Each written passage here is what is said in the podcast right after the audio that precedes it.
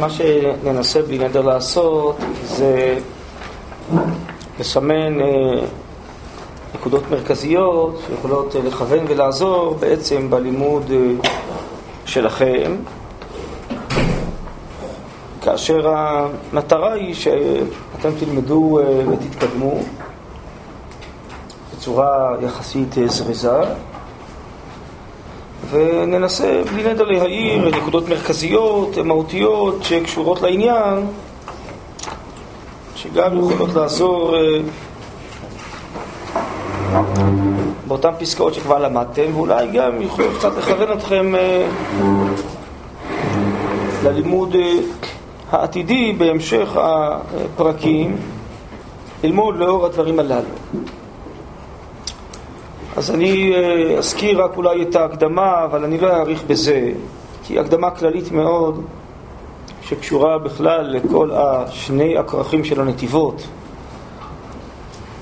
כאשר בעצם שני הכרכים הללו עוסקים באופן מושכל בבניין המידות של האדם.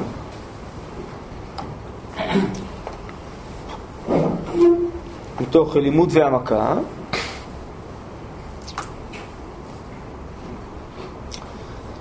וזכינו שהמהר"ל בתחילת נתיב התורה, נתיב העבודה, כדי להגיע לאחר מכן ולהסביר את אה,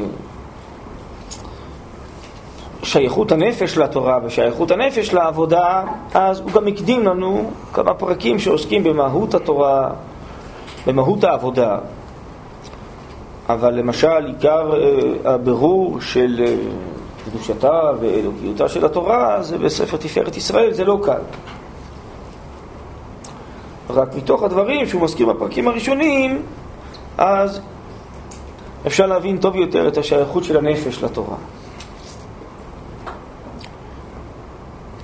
אז אם כן, בהקדמה הוא הסביר יותר מדוע בעצם הוא קרא לזה, לספר הזה נתיבות, משום שיש דרך ואורח שהם רחבים והנתיב הוא קצר ומדויק.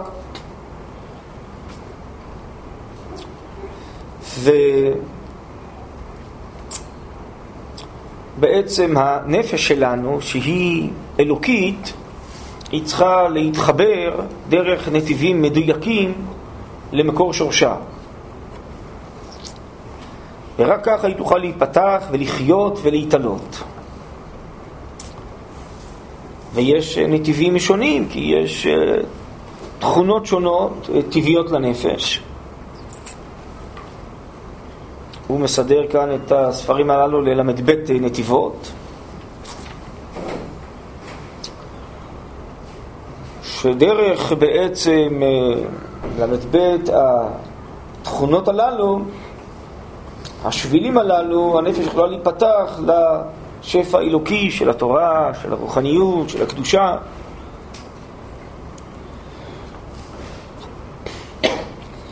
וא',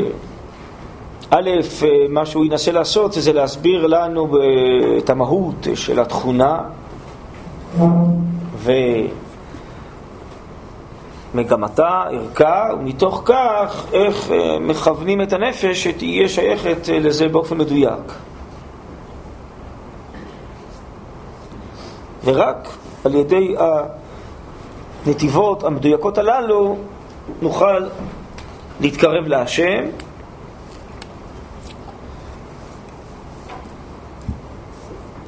ולכן הלימוד הזה הוא חשוב מאוד, והוא בעצם עוסק, כפי שהזכרתי, בעניין הנפש, במה שאנחנו קוראים מוסר, כדי לאפשר לנפש להשתייך לאלוקיות של התורה, שעליה הוא עוסק בספר תפארת ישראל, ולהשתייך לרוחניותם של ישראל, שבזה הוא עוסק בגבורות השם ובנצח ישראל.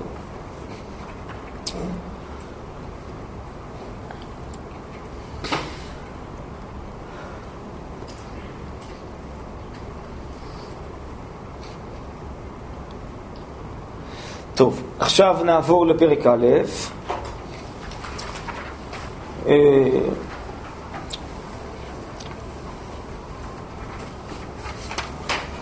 ואני אנסה להסביר אולי אה, בקצרה, בתמצית, כפי יכולתי, את המושג הראשון המרכזי כאן שהוא מעלה, שהתורה היא סדר העולם. ברוך אתה אדוני אלוהים מלך העולם, שם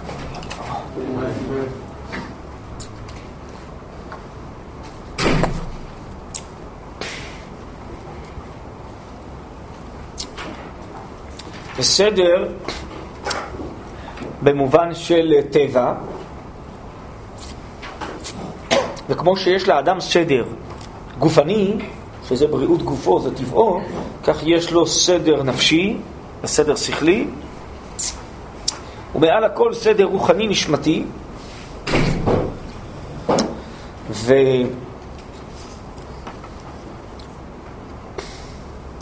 מה שהוא מבאר כאן בשם חז"ל, שהסתכל בתורה וברא את העולם,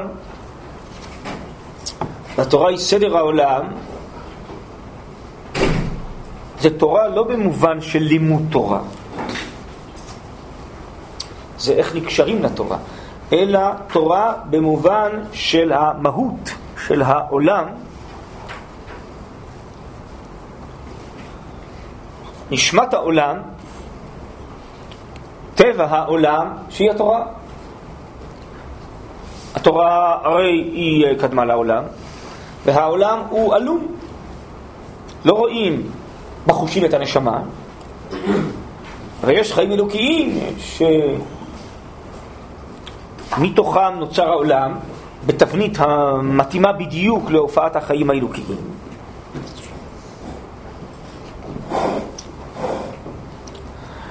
ומגמת כל חיי העולם וכל הבריות שיש בקרבו זה שהתורה תופיע. מדוע המהר"ל קורא לזה סדר?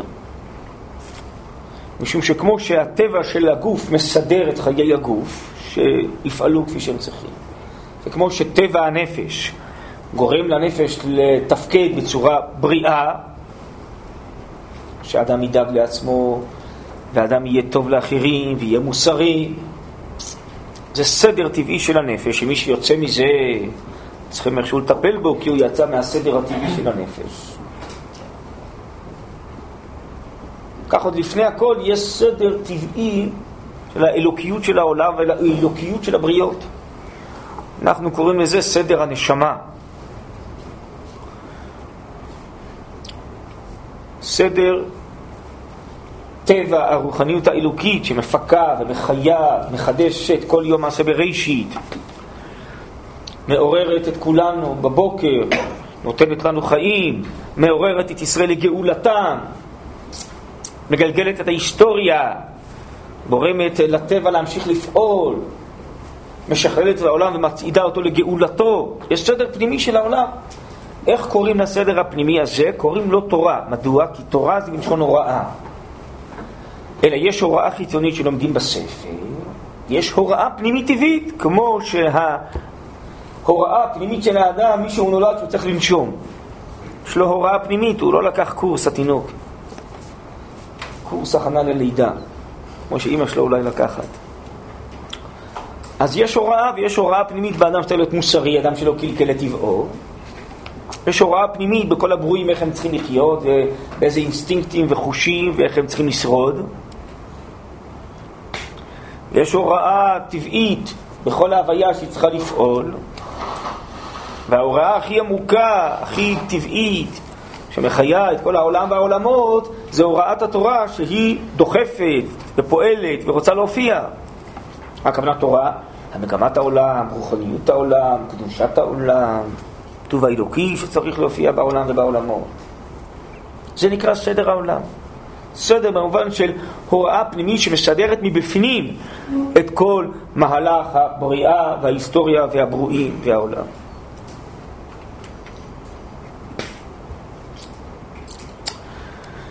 טוב, אנחנו לא יכולים עכשיו להיכנס לכל העניין הזה של המספר 10, שהוא הסביר על פי זה גם כן את עניין הסדר, אז זה אולי בהזדמנות אחרת, אבל כיוון שיש פה התפתחות הפרק הזה, אז הייתי רוצה אה, להספיק פה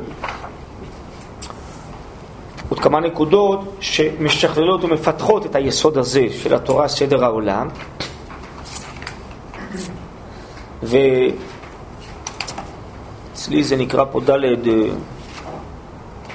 עמוד ד', אז למשל בדיבור המתחיל והתבאר לה, הוא מסביר שהסדר הזה מוליך את האדם מהפרוזדור לטרקלין, מעולם הזה לעולם הבא. הכוונה היא בעצם מצעיד אותו במדרגות גם בעולם הזה, ועוד יותר מצעיד אותו לאור באור החיים, להיכנס לפנימיות הטרקלין, להיות עוד שייך יותר ויותר להשכלות ולמגמות ולטוב בעולם הבא. כי זה הסדר הטבעי של העולם, שבעצם, כמו שאמרו חז"ל על כל מיני מצוות שאדם עושה, שהוא בן עולם הבא. הוא משתייך כבר, הוא בפרוזדור שהולכים וצועדים ונכנסים איתו לעולם הבא.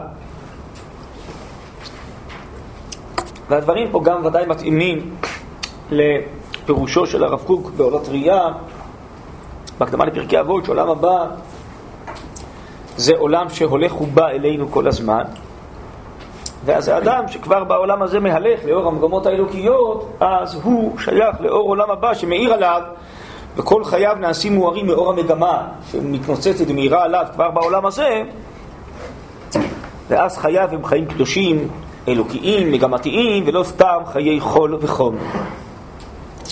לאחר מכן, בדיבור המתחיל ובפרק כיצד מעברים, המהר"ל עובר להסביר את הגמרא בעירובין שהתורה היא סדר בריאות הגוף והנפש של האדם, זה בעיקר בעמוד ה', שבעצם מכיוון שהתורה היא שורש חיינו, גם שורש החיים הפרטיים של כל אחד מאיתנו, גם חיי גופו וגם חיי נפשו ורוחו. אז מי שיהיה מחובר לסדר הזה, הוא יהיה חי ויהיה בריא. יהיה טבעי, בטבעיות אלוקית. ומי שיצא, אז יהיה חילה. ומצד האמת, אפילו למעשה חש בראשו יעסוק בתורה וחש בכל גופו, כי בעצם הסדר הזה, אם הוא זורם בנו באופן טבעי, הוא מרומם, הוא מחיה, הוא מרפא את הכל. אבל כיוון שהתרחקנו מהטבע הזה, עוונותיכם מבדילים ביני וביניכם, מבדילים גם ביניכם לבין הטבע האלוקי הזה שנמצא בכם, ממילא אנחנו נזקקים גם לעצת הרופאים ולתרופות, אבל בעצם מעיקר הבריאה לא היה צריך לא רופא ולא תרופות, אלא קרבת השם הייתה מרפאת והריחוק היה מחליט. לא רק מהשם שמחוץ לנו, אלא גם מהשם שבתוכנו.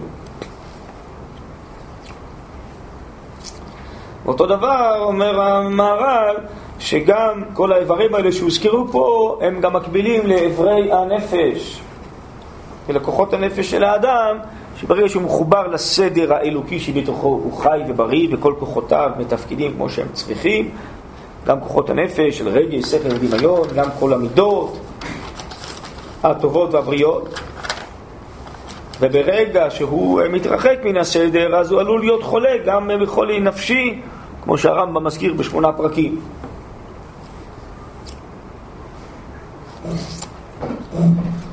עכשיו, בתחילת ביאורו כאן עוד בעמוד ד' הוא מביא את הגמרא, רבי שמעון לוי, המלך בדרך ואין לו לוויה, יעסוק בתורה.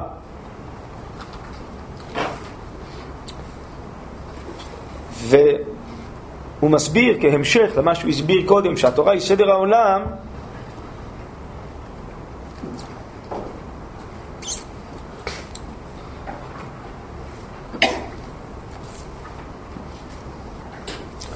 אז uh, הוא מסביר שמי שנמצא ביישוב הוא בעצם נמצא עם השכינה, עם החיים האלוקיים.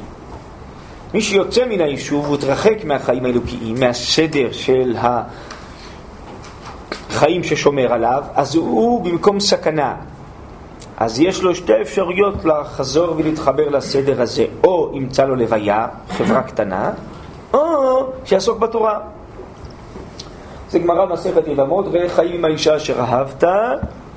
אפשרות אחת זה אישה ממש, וזה חיבור לאישה וחיבור לאחר מכן למשפחה לפרייה ורבייה, או אפשרות שנייה, הרי חיים אז חיים זה, אה, האישה זה התורה.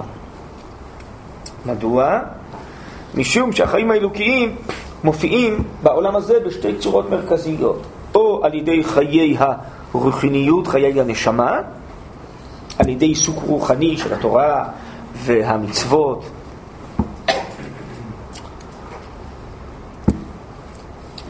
אז על ידי זה חיים אלוקיים מופיעים בעולם הזה, עד כדי שבן זומא אמר, אם כן אני לא צריך להתחתן ורק יעסוק בתורה. או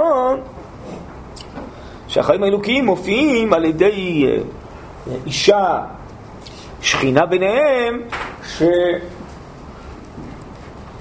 ממקור הנשמה מופיעה, מתנוצצת השכינה, שכינת האומה, בעניין חורבה מחובות ירושלים, עד כדי שבמשפחה הפרטית הזאת מופיעות נשמות חדשות. אז להופעת הנשמה אפשר שתי צורות, או באופן רוחני אלוקי על ידי לימוד תורה, או באופן של נישואים, שכינה ביניהם ופרייה ורבייה.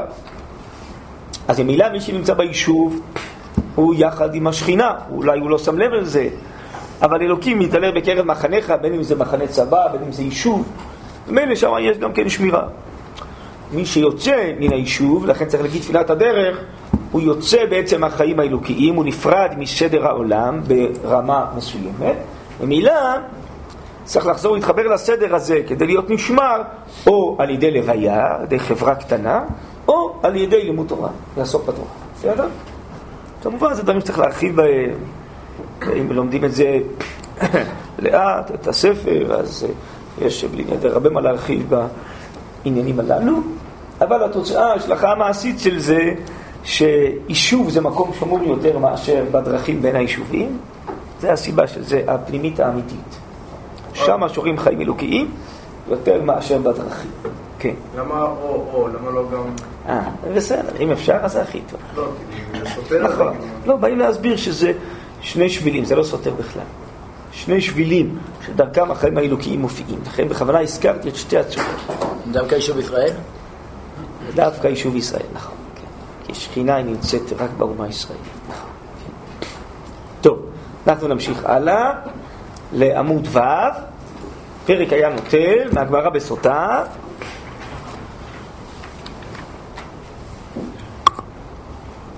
אה,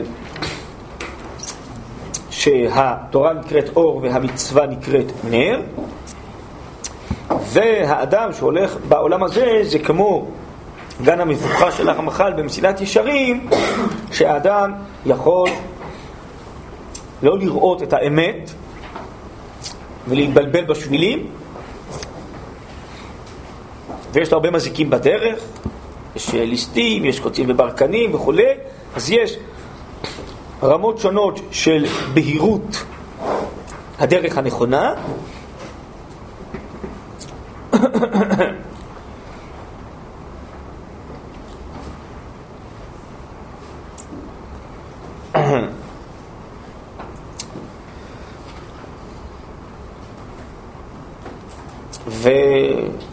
ויש פרשת דרכים שדרך זה הוא רואה לאיפה ללכת ועד ש... יש אה, עמוד השחר ופרשת דרכים.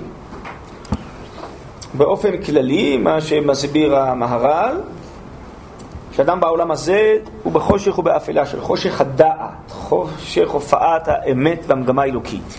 זה נקרא עלמא דחשוכה בחז"ל, עולם הזה. יש הרבה אור פיזי, אבל לא אור של רוחניות, של אמת אלוקית שמופיעה בבהירות, כמו שבעזרת השם תופיע לעתיד לבוא. מביא לאדם בעולם הזה בחושך, וגם המצוות מאירות מעט את דרכו, אבל הבהירות הכי גדולה זה על ידי הערת התורה שמופיעה. עכשיו כאן יש ביטוי שחורז אה, את כל ספרי המהר"ל וכדאי להכיר אותו. למשל כאן בעמוד ו', בעמודה השמאלית, אה, המהר"ל אומר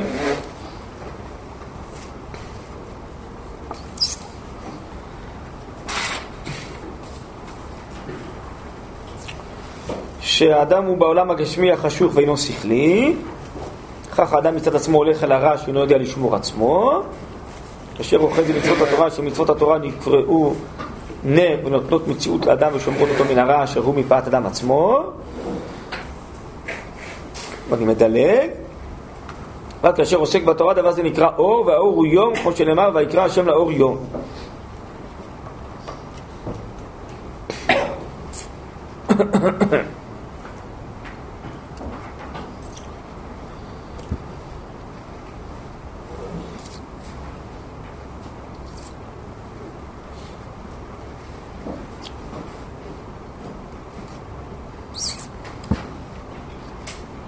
אז אם כן, המהר"ל הסביר שהאדם הוא בעולם הזה הגשמי חשוך ואינו שכלי. מה זה הביטוי שכלי? שבאופן חיובי המהר"ל אומר התורה היא השכל, התורה היא השכליות. אצל המהר"ל שכלי זה בטרמינולוגיה שלנו רוחני, או אולי עוד יותר מזה נשמתי. זה לא השכל הרציונלי שאנחנו מדברים עליו היום במונח של שכל ומוח, שכל אנושי, כי זה חלק מהאדם האנושי, שהוא הולך בתוך עולם הזה ומבחינת המהר"ל הוא נמצא בחושך. אלא מי מביא את האור השכלי, הרוחני, האלוקי האמיתי לאדם? זה התורה. והתורה היא חוכמת קודש כזאת, היא חוכמת אמת, חוכמה שמאירה ומרימה וגורמת לבהירות רוחנית אלוקית שתאיר, תמלא, תרומם את האדם להכרה, להשקפת עולם אחרת לגמרי. בסדר? זה נקרא שהתורה היא שכלית. אז ממילא מה שירים את האדם מגן המבוכה הזה ויראה לו א', מה האמת, וב', מה הדרך להגיע לאותה אמת, זה רק התורה.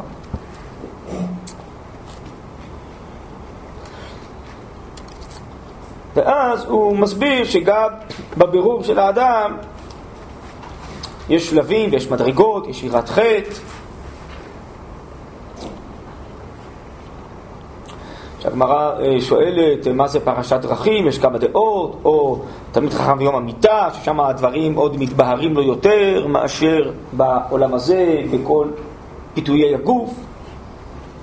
ככה מסביר המהר"ל, כי בכל אופן אדם בגוף, אז קשה לו לראות את הדברים בבהירות אלוקית אה, רוחנית לגמרי.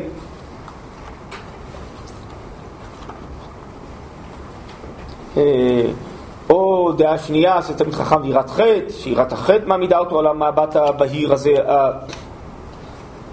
האמיתי. ולמר זוטרא זה תמיד חכם שמשיג שמעת אליבא דהלכתא שאז הוא רואה את הבהירות הכי גדולה של האמת עד כדי איך היא מאירה את החיי המעשה ו...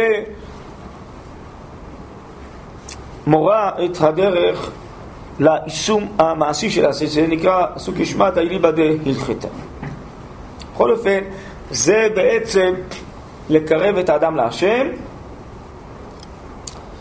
בעצם לקרב אותו לאור האלוקי שהוא נפתח ומתחבר אליו יותר ויותר. אם כן, אתם רואים שהמאמרות האלו באו להרחיב את מה שהוא הסביר קודם שהתורה היא סדר העולם, ועכשיו בעצם הוא הראה לנו שמתחברים לסדר העולם על ידי בריאות הגוף והנפש, על ידי השייכות ליישוב או ללוויה ולתורה, ועכשיו עוד יותר, גם אפילו בתורה יש מדרגות, מדרגות של רמות ברור. כמה אתה שייך לאמת האלוקית, הבהירה, המדויקת הזאתי, וזה יכול להיות אה, אפשרויות שונות, קיום המצוות, מעל לזה לימוד התורה, יש שלבים, יש אה, עולם הזה, והמיטה, ועולם הבא, או אפשרויות שונות בעולם הזה, שזה אה, לקראת סוף עולם הזה, תמיד חכם ביום המיטה, או יראת חטא, או הכי טוב זה הסוג לשמעת אליבא דהלכתה, זה מדרגות, מדרגות של הופעת השכליות הרוחנית הזאת היא כמה האדם נפתח ומתחבר אליה ומתרומם לאמת האלוקית, בעצם מתרומם לאותה אמת שנמצאת, שמאירה הכי טוב בעולם הבא. אבל קודם לכן אמר המהר"ל שגם עולם הזה וגם עולם הבא זה הופעת התורה. תורה זה שפע חיים אלוקים שמופיעים בעולם הזה ובעולם הבא, רק ששם האור הגדול מופיע, לכן חז"ל קראו לזה את מקביל, ופה זה רק ניצוצות, שזה מעורבבים הרבה חושך.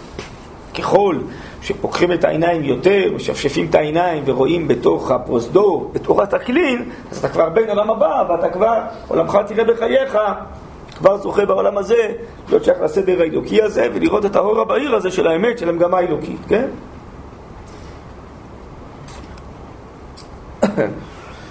אה, לאחר מכן הוא מביא ברור מהגמרא במועד קטן, אה, דף ז' בצד שמאל, היחס שבין התורה לבין המצוות, הוא מסביר שהמצוות זה מדרגה נמוכה יותר מהתורה, אבל מצד שני, היא מצווה שאי אפשר שתעשה על ידי חייבים המצווה קודמת לתורה. אז איך זה יכול להיות? אז הוא מסביר שזה כמו לחם ויין. שלחם זה הכרחי לבניין החיים, אבל יין משמח אלוקים ונשים, מביא לשמחה ורוממות עליונה.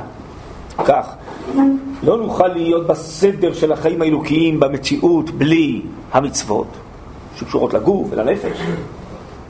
אז המצוות, עשה ולא תעשה, לא תעשה שלא נראה, תעשה שנשתייך לסדר הטבעי של החיים האלוקיים בתוך הגוף, בתוך סדרי העולם. אבל מה מרים אותנו לשורש החיים, לתורה שקדמה לעולם, לבהירות הגדולה העליונה, זה כמובן התורה.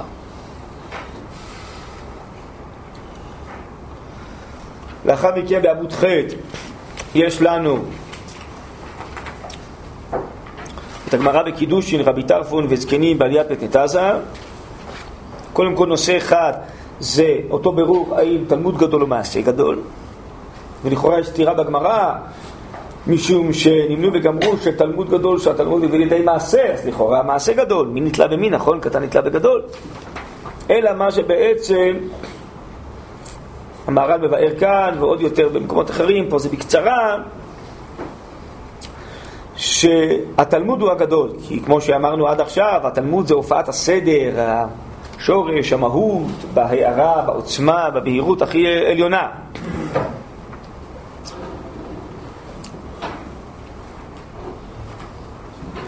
אבל מה זה נקרא תורה? תורה זה לא איזה חוכמה אינטלקטואלית מופשטת שמנותקת מן החיים. תורה זה תלמוד, זה הוראה, הוראת החיים. זה תלמוד שמביא לידי מעשה. תלמוד שמביא לידי מעשה שהאמת הזאת זה אידיאל כזה גדול, נוקב של החיים, ממילא הוא יתפלש וירד עד שהוא יאיר וירומם איתו את כל החיים. אם הוא לא תלמוד שמביא לידי מעשה, אז הוא כנראה לא תלמוד תורה, הוא סתם איזה ידע מופשט, שלא שייך למרכז החיים, לנשמת החיים, למהות החיים, אז הוא לא יכול לרדת לידי מעשה ולהאיר ולרומם אותה.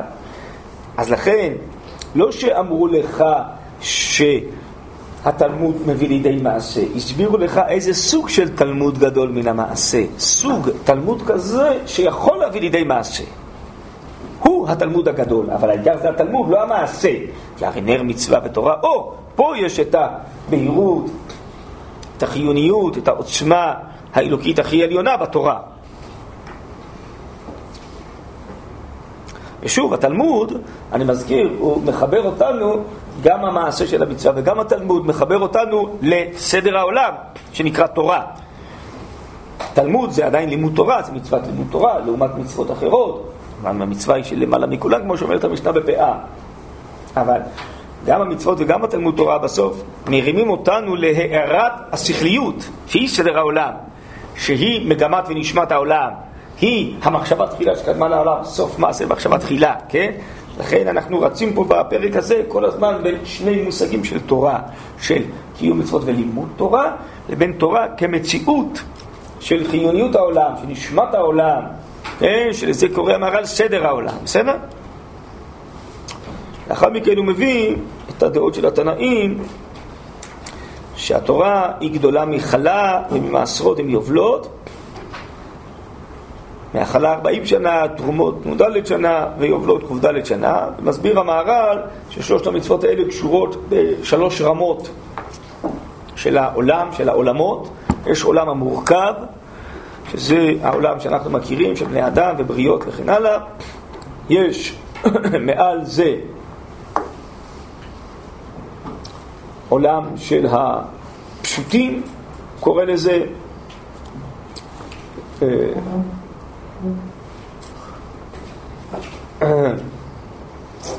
עולם של המלאכים והכוחות העליונים, יש מדרגה עוד יותר עליונה למעלה מן הכל, שהיא שורש העולם, העולם האצילי העליון, שהוא בכלל אה, לא שייך למציאות שאנחנו מכירים, לא המורכבים ולא הפשוטים. אז הוא מסביר שהחלה היא קשורה להרכבה של מים בקמח, אז האדם נקרא חלתו של עולם, זה עולם המורכבים, זה רומז, המצוות האלה רומזות לזה. מצוות תרומות ומעשרות הן רומזות לפשוטים, שאתה רק מאיזה פרי אחד או ירק אחד מפריש תרומות ומעשרות, לא מדבר מורכב. והיובל בכלל, שהוא משהו של אה, החמישים שהוא מעל הספירה של שבעת השביעיות, מעל הזמן והמקום. זה שייך לעולם הנבדל, טוב, זה עולמות ומושגים שאנחנו לא מבינים בזה. רק הוא הביא את זה לא בשביל לספר לנו על העולמות האלה, אלא לומר שהתורה היא קדמה לכולם, כלומר שהיא מעל הכל, היא מחיה את כל העולמות וכל המדרגות, כן? זה מה שהוא קורא לזה, אבל התורה השכלית, כאן בעמוד ט' באמצע עמודה הימנית, תורה השכלית אין לה שום צירוף אל הגשם, ולפיכך אין לה הצלות בזמן כלל. לכן מיד ניתנה התורה ביציאת מצרים, עם ישראל צריכים להתכונן שלושה חודשים, אבל מצד התורה היא מופיעה מיד, היא מופיעה לפתע פתאום, זה נראה את זה בלי נדר בהמשך דברי הכוזרי, את אותם דברים. היא לא משועבדת לגשם. אה, סליחה, לא סגרתי כאן.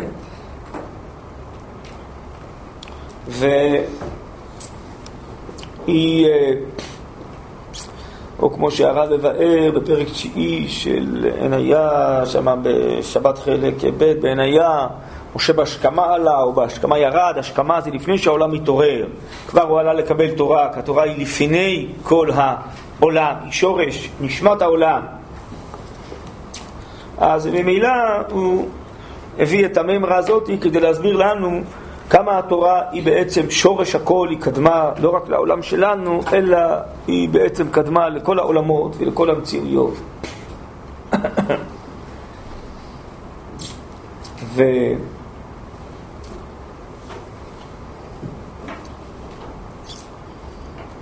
הוא סיים פה, הגמרא במגילה, שגדול לימוד תורה, יותר בבניין הבית, שעזרא למד ברוך בן אריה ולא עלה ארצה לבנות את בית שני, כל זמן שהוא היה קיים. אותו דבר אה, גדול מכיבוד אב האם, שיעקב לא נענש על זה שהוא נשתהה בבית המדרש של שם ועבר.